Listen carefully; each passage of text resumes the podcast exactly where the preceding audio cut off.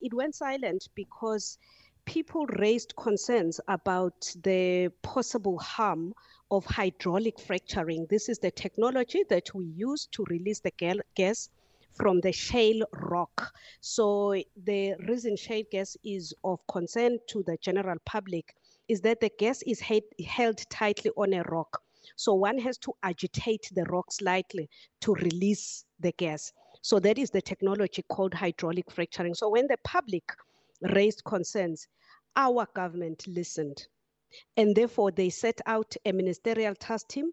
They, hold, they told us, as government officials and as the agency, cabinet instructed us to stop processing any applications for exploration rights because they wanted to answer three questions.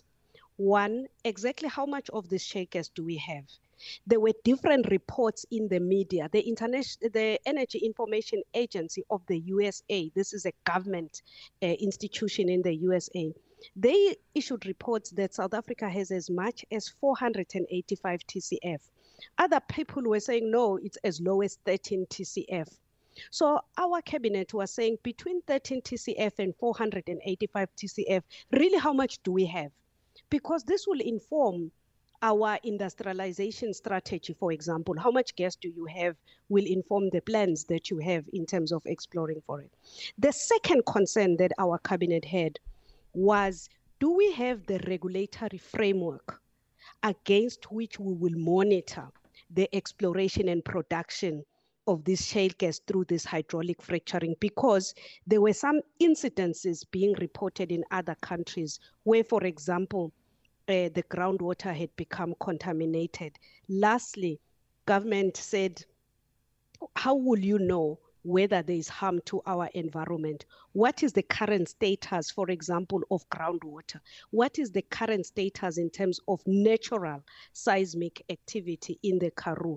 You must know where you are in order for you to start a new industries. So Sakina, today we were reporting to Parliament that we've answered these three questions that cabinet cabinet tasked us with in 2012 and that's why there's been this silence that you're talking about so uh, those questions have they been answered in the affirmative and what does that mean Those questions, Sakina, in terms of the resource potential that we have, our studies as the Petroleum Agency, and this is our mandate.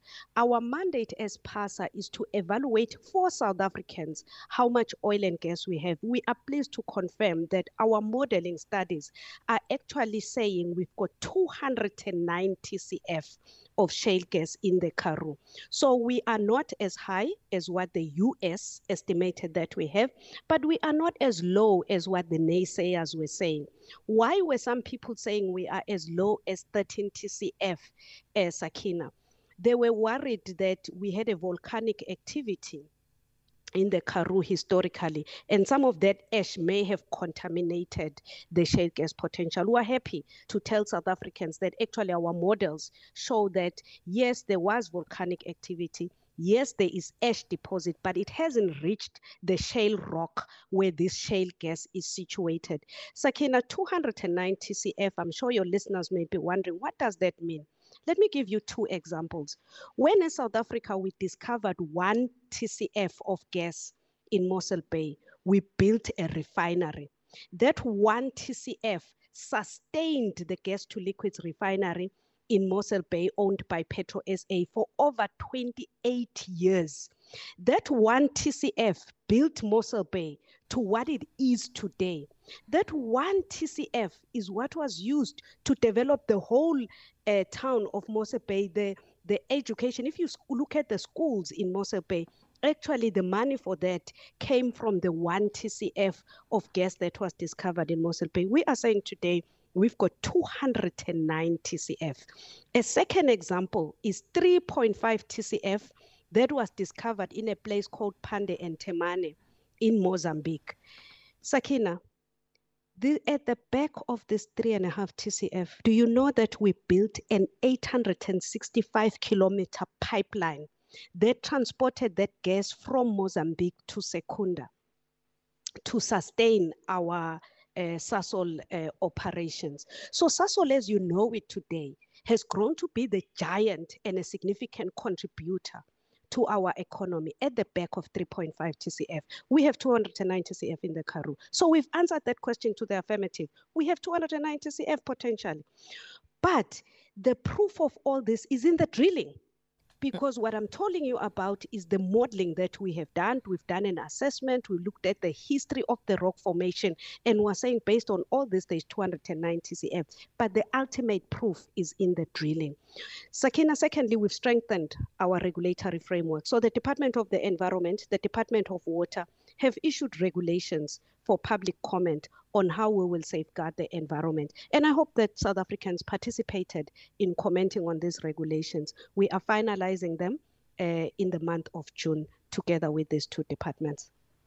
So and and and I love the way you're explaining it to us, um, uh, Dr. Masangane, because I think very often when it comes to uh, issues such as these, we tend to get carried away with narratives rather than mm-hmm. understanding mm-hmm. exactly what is happening.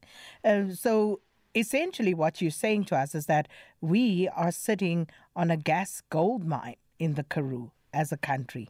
Um, we have done some work in trying to explore exactly how best we can use this resource but of course there are always as there have been in the past um environmentalists who are taking the process to court regarding the potential environmental impact uh so how are you going to deal with this and you know what does this delay in the process potentially mean for us as South Africa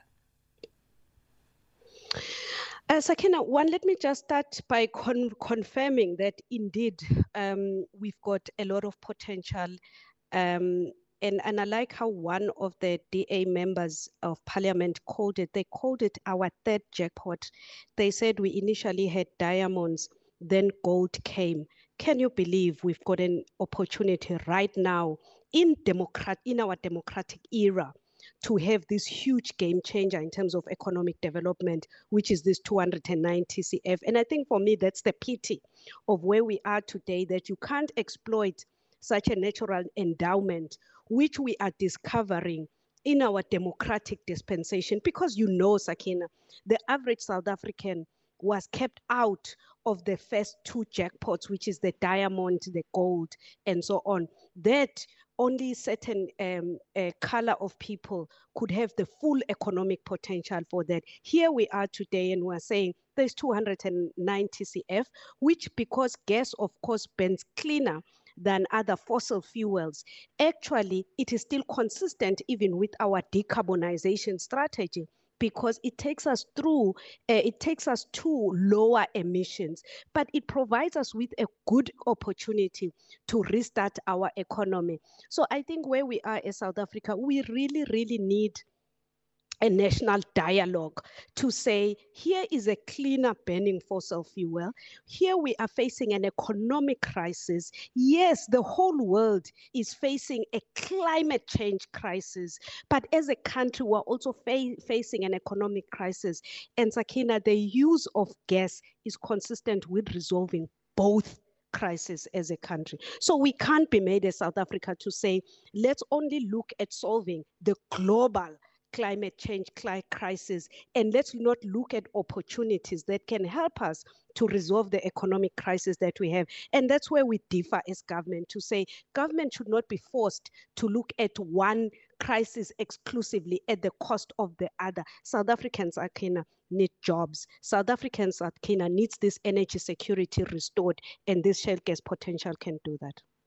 And uh, that is absolutely fabulous, uh, as you put it. But of course, uh, you know, there are those who will hold a different view. But I do thank you, Dr. Pindile Matsangane, um, Chief Executive Officer of the South African Upstream Oil and Gas Regulatory Authority, Petroleum Agency South Africa, PASA, uh, for that explanation on what is currently there. And I think this is what is important the fact that we are able to get the different sides, the different perspectives to any given story so that you can make up your own mind in terms of what you think may be best.